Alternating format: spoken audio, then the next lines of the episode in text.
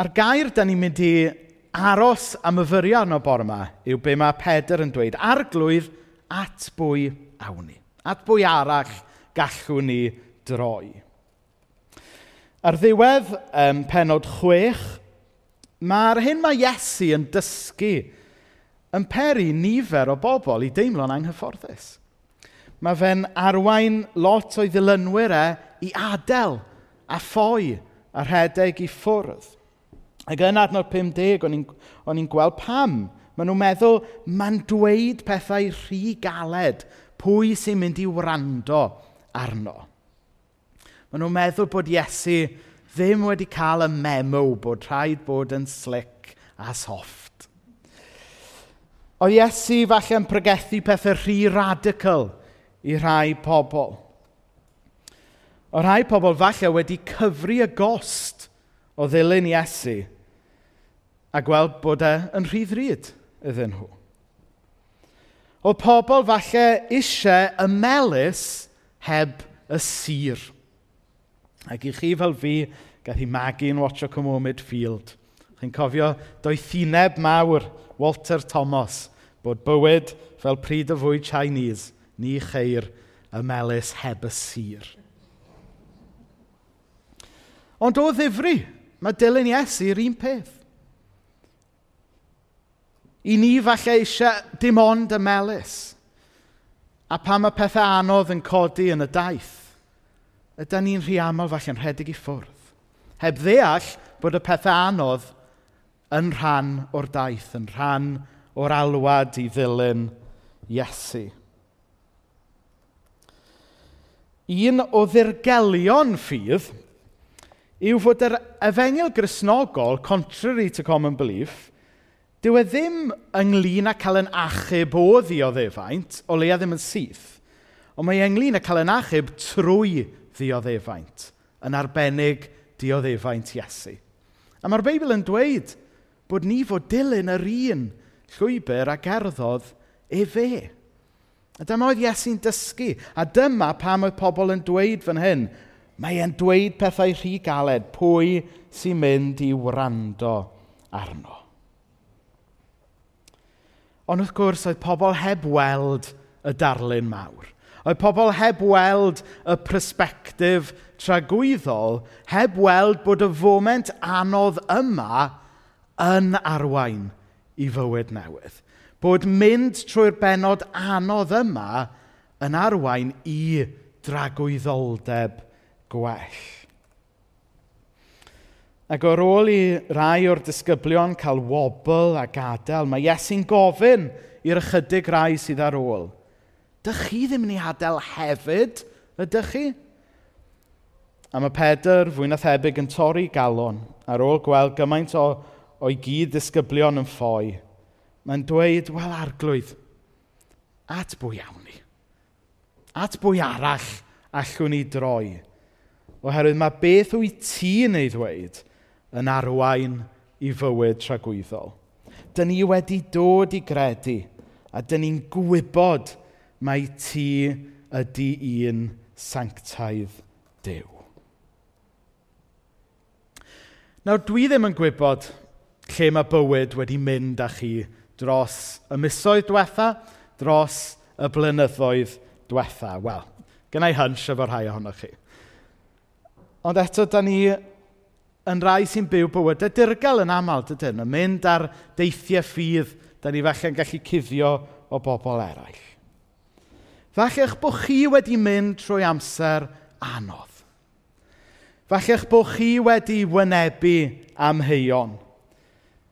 Falle bod yr eglwys wedi eich gadael chi lawr. Falle bod yna rhyw gristion wedi'ch gadael chi lawr ac wedi peri chi gael rhyw wobl yn eich taith ffydd. Falle bod chi wedi gweld bod un math o grisnogaeth nath roi bywyd i chi mewn un cyfnod o'ch bywyd, ddim beth oeddech chi'n meddwl oedd e'n mynd i fod, a bod e wedi'ch gadael chi lawr, a bod chi nawr falle yn chwilio am rwle i roi gwreiddiau newydd a gwreiddiau dofn. Neu falle fod y profiad o fyw trwy'r pandemig wedi'ch arwain chi i ofyn cwestiynau oeddech chi byth yn meddwl byddech chi yn ei gofyn. Falle bod y pandemig wedi eich arwen chi i ail ystyried blaenoriaethau yn eich bywyd.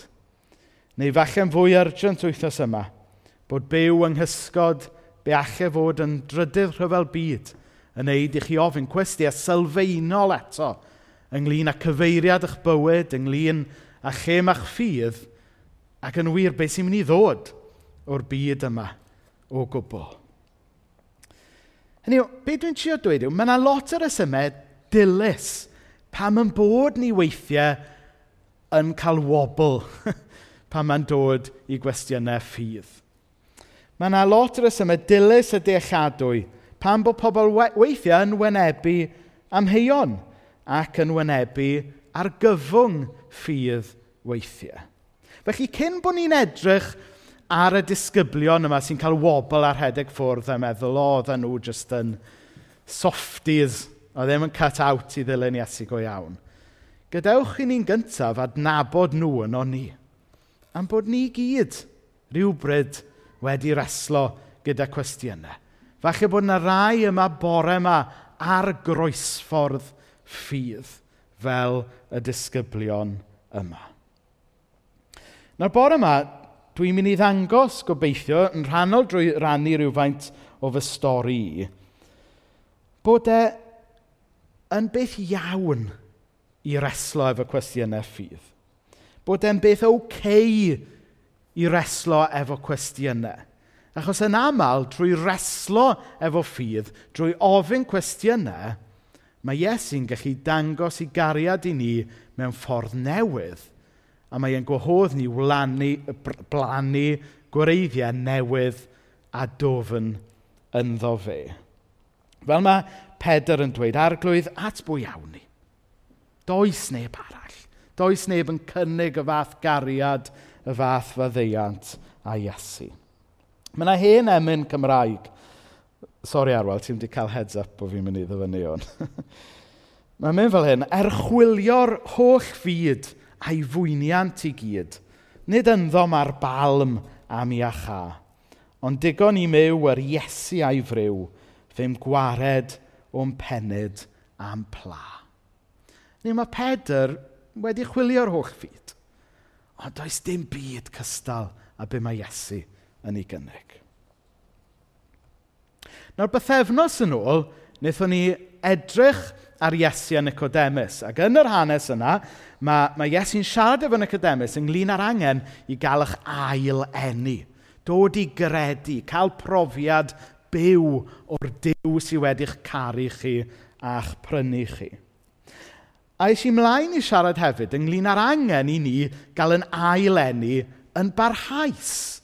Hynny yw bod wrth gwrs bod y profiad cyntaf yna o gredu yn bwysig, ond i ni beidio jyst wedyn setlo ar hynna, ond bod angen i ni geisio Iesu o'r newydd trwy yn bywyd, er mwyn iddo fe ddangos i gariad i ni, ym mhob tymor o fywyd, er mwyn i ni gael yn gwefreiddio o'r newydd am y maddeiant mae e yn cynnig i ni. Ac er mwyn profi Iesu yn newydd ac yn ffres. Er mwyn i ni fel mae yn thema ni tymor yma'n dweud profi'r wefr o'r newydd, weithiau mae angen i ni gael gwared o'r hen yn does, er mwyn rhoi lle i'r newydd.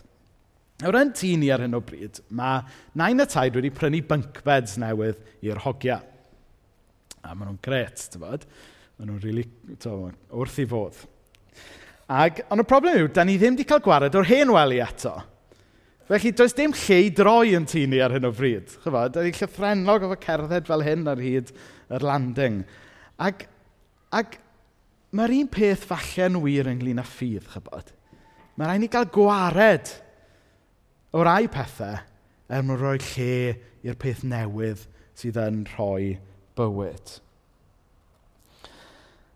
A mae hwn yn gofyn ac yn wahoddiad i fynd ar daith ffydd.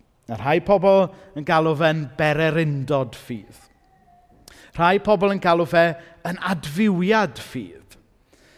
Ond dyddi yma mae yn fwy trendy i alw fe'n faith deconstruction a faith reconstruction. So dyna, dyna di'r ffordd so, trendy o siarad amdano fe dyddi yma gyda llaw. Os chi'n bod yn trendy fel fi. Ond be bynnag chi eisiau galw fe, y pwynt ydy, weithiau mae rhaid i chi gymryd i ddarnau un peth er mwyn i ailadladu fe mewn ffordd well. Weithiau mae rhaid i ni dynnu ddarnau yn syniadau crefyddol ni er mwyn ailadladu yn ffydd ar beth sydd yn rhoi bywyd, sef Iesu Grist i hun. Arglwydd at bwy arall awn ni. Nawr, dwi wedi bod ar rhyw daith debyg ers rhai blynyddoedd. Rhai blynyddoedd yn ôl, o'n i, o'n i wedi diflasu bach efo y grisnogaeth a'r diwylliant grisnogol ges i'n fagu ynddo fe. O'n i'n darllen llyfrau gan bobl oedd yn gwthio y ffiniau. O'n i'n gwrando ar podcasts gan bobl oedd chydig bach yn edgy, be fydde po, rhai pobl yn galw'n dodgy. Um, ag, ag oedd yn ddiddorol. Oedd yn helpful i ofyn cwestiynau o'n i falle heb ofyn o'r blaen. Oedd e yn help tan bod e ddim yn help. Achos weithiau, mae rhywun yn gallu tynnu ffydd i ddarnau nes bod dim byd ar ôl. A chymod beth, dwi wedi gweld hwnna yn digwydd mewn pobl fi'n adnabod, mewn ffrindiau i fi. Bod nhw yn deconstructio'u ffydd yn llwyr nes bod dim byd ar ôl. Nid dyna dwi'n annog chi wneud bore yma. Ond yn ytrach, dwi yn rhoi gwahoddiad i chi dynnu ddarnau er mwyn ailadladu yn Iesu.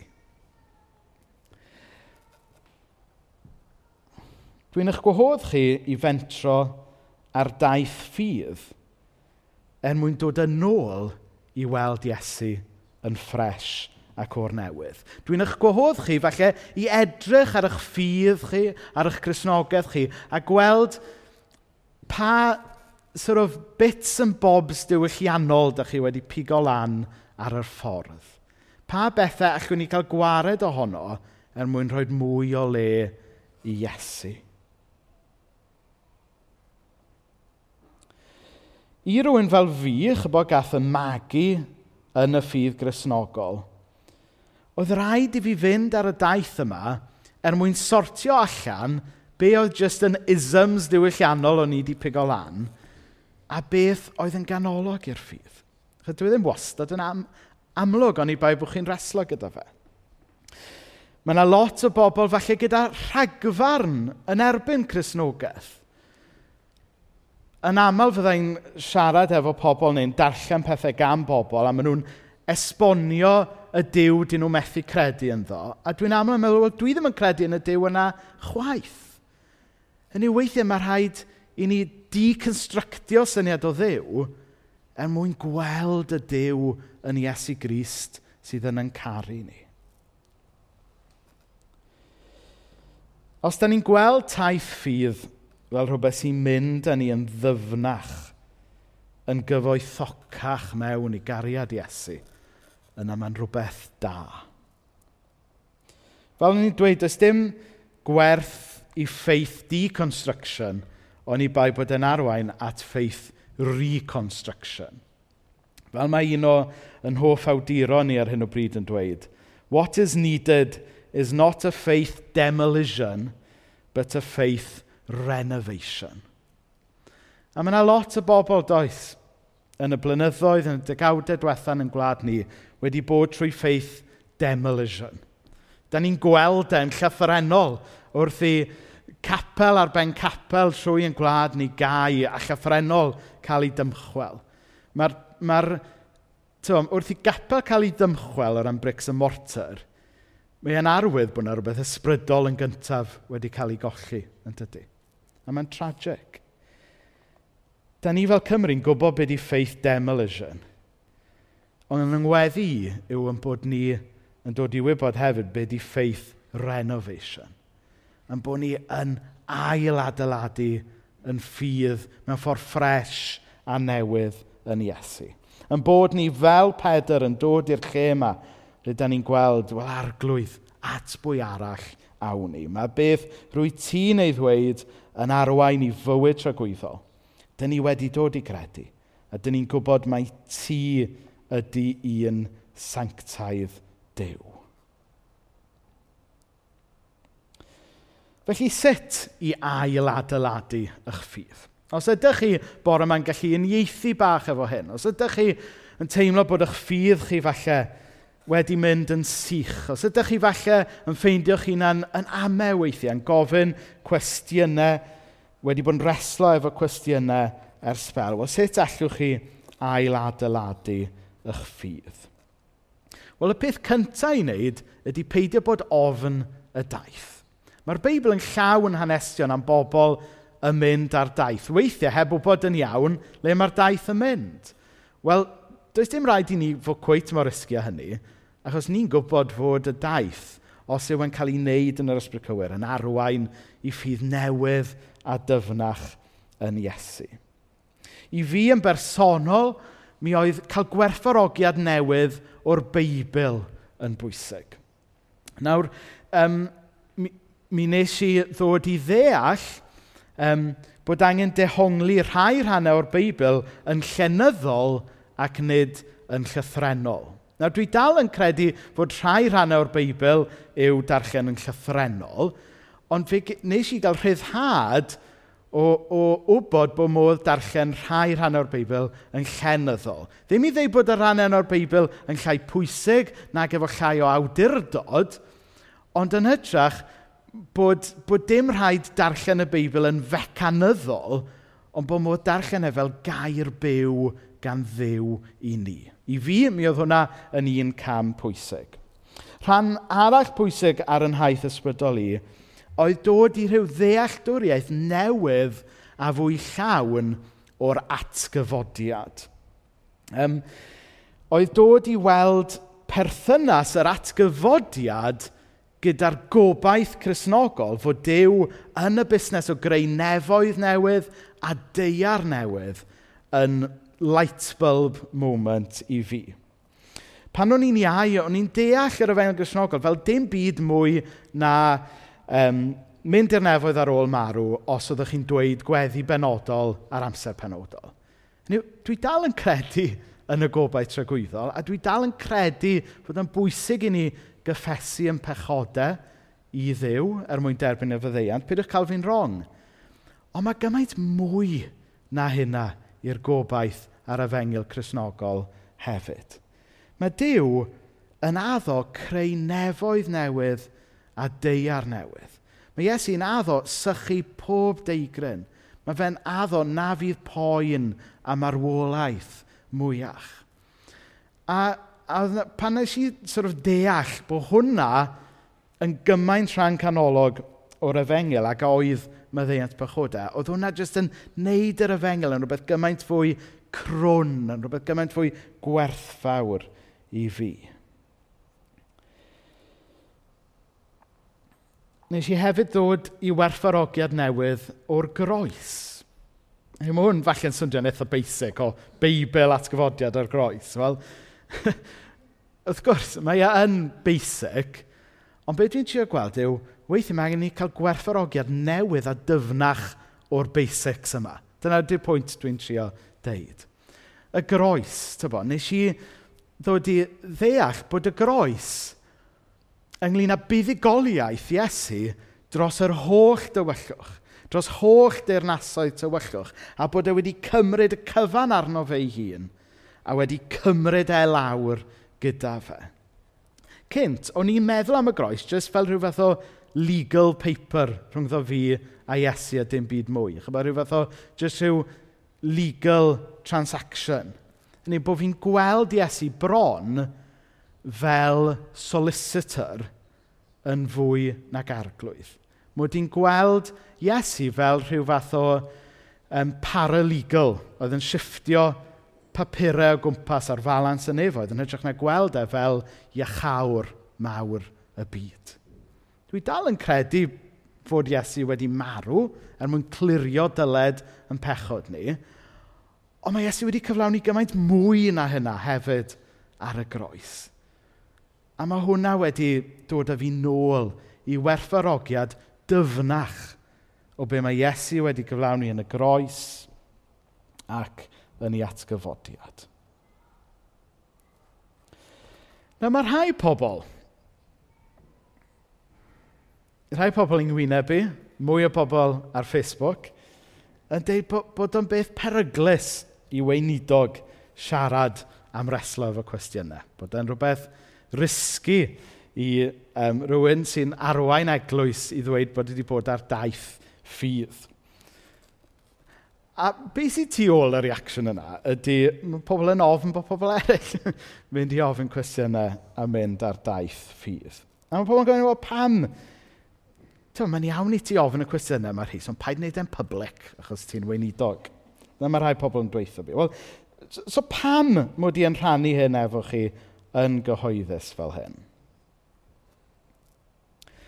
Wel, dwi'n rhannu'r stori achos mod i eisiau dangos bod modd mynd ar daith ffydd a glanio yn ôl mewn ffydd ddyfnach, mwy beiblaidd, mwy cyflawn o Iesu. Does dim rhaid i daith ffydd arwain i golli ffydd. Ac yn drist iawn, dyna dyn ni'n gweld yn hanes lot o bobl. Dwi'n rhannu fy stori i, achos dwi eisiau chi weld bod mynd ar daith ffydd, bod reslaf fy cwestiynau ddim yn golygu jyst mynd i ffwrdd o ffydd. Bod gofyn cwestiynau, bod mynd ar daith ffydd yn gallu ac mi ddyle arwain yn ôl i ffydd newydd a dyfnach yn Iesu. A dwi'n rhannu'n stori hefyd Achos dwi'n synhwyro fod yna bobl eraill ar daith tebyg ac yn chwilio am ffrind i siarad amdano fe. Dydy fy stori i ddim yn unigryw. I ddeud y gwir, mae fe'n bach yn boring. Mae fe'n typical stori rhywun o'n nghenhedlaeth i. Um, ond dwi'n meddwl, fel Cresnogion, mae yna, mae chydig o bethau dylen ni ddweud wrth bobl sydd efo cwestiynau sy, sy weithiau'n ama. E. Mae ma yn llyfr Judas, nid Judas Iscariot, Judas gwahanol, um, Judas 1 adnod 22, mae'n dweud fel hyn, byddwch yn amyneddgar gyda rhai sy'n ansicr. So dyna'r peth cyntaf. Os oes gyda ni ffrind, os ydych chi eich hun yn ansicr, yna mae'n bwysig bod ni'n amyneddgar gyda'n gilydd. Peidiwch ymateb i bobl sydd â cwestiynau ac amheuon gyda beirniadaeth neu accusations. Peidiwch ei diystyru nhw na rhoi atebion bas ydyn nhw, ond byddwch yn amyneddgar.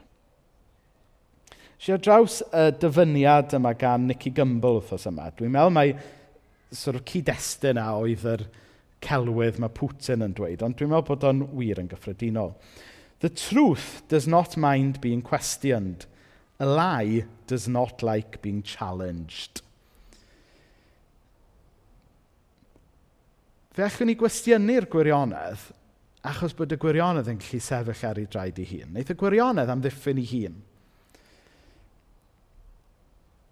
Ond mae celwydd yn rhoi rhyw ymateb brathog yn ôl. Dwi ddim yn licio cael ei herio. Fel pan o'n i'n neud um, uh, cwrs y Beibl, to, bod y Beibl fel llew. Does dim angen i amddiffyn e. Chi jyst yn gallu gadle'n rhydd a wneud e amddiffyn ei hun. Mae'r un peth yn wir ynglyn â Crist a gwirionedd yr efengil. The truth does not mind being questioned, achos bod e'n gallu amddiffyn a sefyll dros o'i hun. Mae'n bwysig bod ni'n amyneddgar gyda pobl a cwestiynau caled, yn bwysig bod ni yn reslo a mynd ar daith efo pobl i ffeindio atebion ystyrlon a theg. Mae'n bwysig i ni hefyd fod yn real gyda'r reality yma fod yna wahanol safbwyntiau gan wahanol grisnogion ar wahanol gwestiynau. Hynny yw, mae yna rai pethau byddwn ni'n adrodd credo'r apostolion gyda'n gilydd cyn cymryd cymen mewn munud. Mae yna rai pethau sy'n sylfaenol i'n ffydd ni. Ond mae yna rai pethau sydd ddim. A mae e'n iawn i wahanol grisnogion cael barn gwahanol. In essentials, unity. In non-essentials, liberty. But in all things, charity. Mae'n bwysig cael yr ysbryd cywir pan da ni yn trafod cwestiynau gyda'n gilydd. Yr ail beth nath helpu fi oedd i ddysgu cyfoeth y, yr traddodiad chrysnogol, nid dim ond yn traddodiad ni. So, be dwi'n golygu wrth hynna? Wel, mae yna lot o wahanol traddodiadau chrysnogol yn does. Ag, um, ag dwi wrth y modd efo hynna yn bersonol, tybo? Yn yw, oes, mae yna rhan o'r traddodiad chrysnogol dwi'n teimlo'n fwy cyfforddus yno fo, wrth gwrs. Ond dwi yn hoffi dysgu gan draddodiadau chrysnogol gwahanol. A dwi'n meddwl bod gan bob traddodiad chrysnogol rhywbeth i ddysgu i'w gilydd. Felly wrth fynd ar berer undod ffydd, falle bod yr, yr nigl yma sydd gyda chi, bod yr ateb ddim wedi cael ei ffeindio yn eich traddodiad chrysnogol chi. A bod chi angen edrych falle i draddodiad chrysnogol gwahanol i sgratio yr itch penodol yna. A mae hynna yn oce. Okay. Mae'n bwysig bod ni'n rhoi atebion cymleth i gwestiynau cymleth. Mae'n bwysig bod ni'n dangos fod Iesu yn ateb i bob rhan o bywyd. Ond yn olaf, mae'n bwysig bod ni ddim yn rhoi atebion twt, taclus a slic, i gwestiynau lle mae'r Beibl actually jyst yn gwahodd ni mewn i ryfeddod a dirgelwch. Mae hwn falle yw'r rhan o ffydd ydy'r byd modern, ddim cweit yn gyfforddus gyda. Yn yn byd modern ni, yn yn byd gwyddonol, technocrataidd ni, da ni'n licio atebion pendant a slic i bopeth. Ond rhan o wir ffydd yw bod yna ddirgelwch, bod yna wahoddiad i ddirgelwch. Ac felly, pan nad oes yna ateb taclus a slic, mae'n bwysig bod ni'n real ynglyn â hynna a dweud, ie, yeah, mae yna ddirgelwch fan hyn. Mae yna ryfeddod fan hyn. A rhan o hynna yw ffydd. Felly, jyst i orffen. Os ydych chi falle ar rhyw daith ffydd ar hyn o bryd, ac os ydych chi yn, yn poeni lle mae'r daith yma'n mynd â chi, yna siaradwch gyda rhywun. Dewch ato fi ar y diwedd. Siaradwch gyda ffrind i chi sydd yn y ffydd. Gadewch i ni wylo bod y, y daith yma yn aml dyddi yma yn mynd â pobl i ffwrdd o ffydd yn llwyr. Ond gadewch i ni sylwi hefyd weithiau a gobeithio bod y daith yma'n dod â rhywun yn ôl i werthfarogiad newydd o bod y dew mawr wedi dod ato ni yn Iesu Grist, achos bod e'n caru ni, achos bod e eisiau gwneud bywyd efo ni, achos bod e'n wylo gyda ni, oherwydd bod e eisiau ni fod yn ddisgybl iddo fe. Yn Iwan 6, ni'n gweld y disgyblion yn mynd trwy chwalfa. Ni'n gweld rhai ohonyn nhw yn mynd i ffordd i hunain. Ond allan o'r chwalfa, mae Pedr yn codi a mae e'n rhannu arglwydd at bwyawni. Mae beth rwy ti'n ei ddweud yn arwain i fywyd tragwyddol. Dyn ni wedi dod i gredu a dyn ni'n gwybod mae ti ydy un sanctaidd dew. Felly heddiw, os oes rhywun yma yn ame, os oes rhywun yma wedi bod yn crwydro, So os rhywun yma gyda itchy feet a gyda cwestiynau da chi'n reslo efo, ga eich gwahodd chi i fynd â'ch cwestiynau at Iesu. Ga eich gwahodd chi i grwydro lawr y llwybr a sylweddoli mae pwy sy'n isio'ch cyfarfod chi ar y llwybr ydy Iesu efo breichiau agored.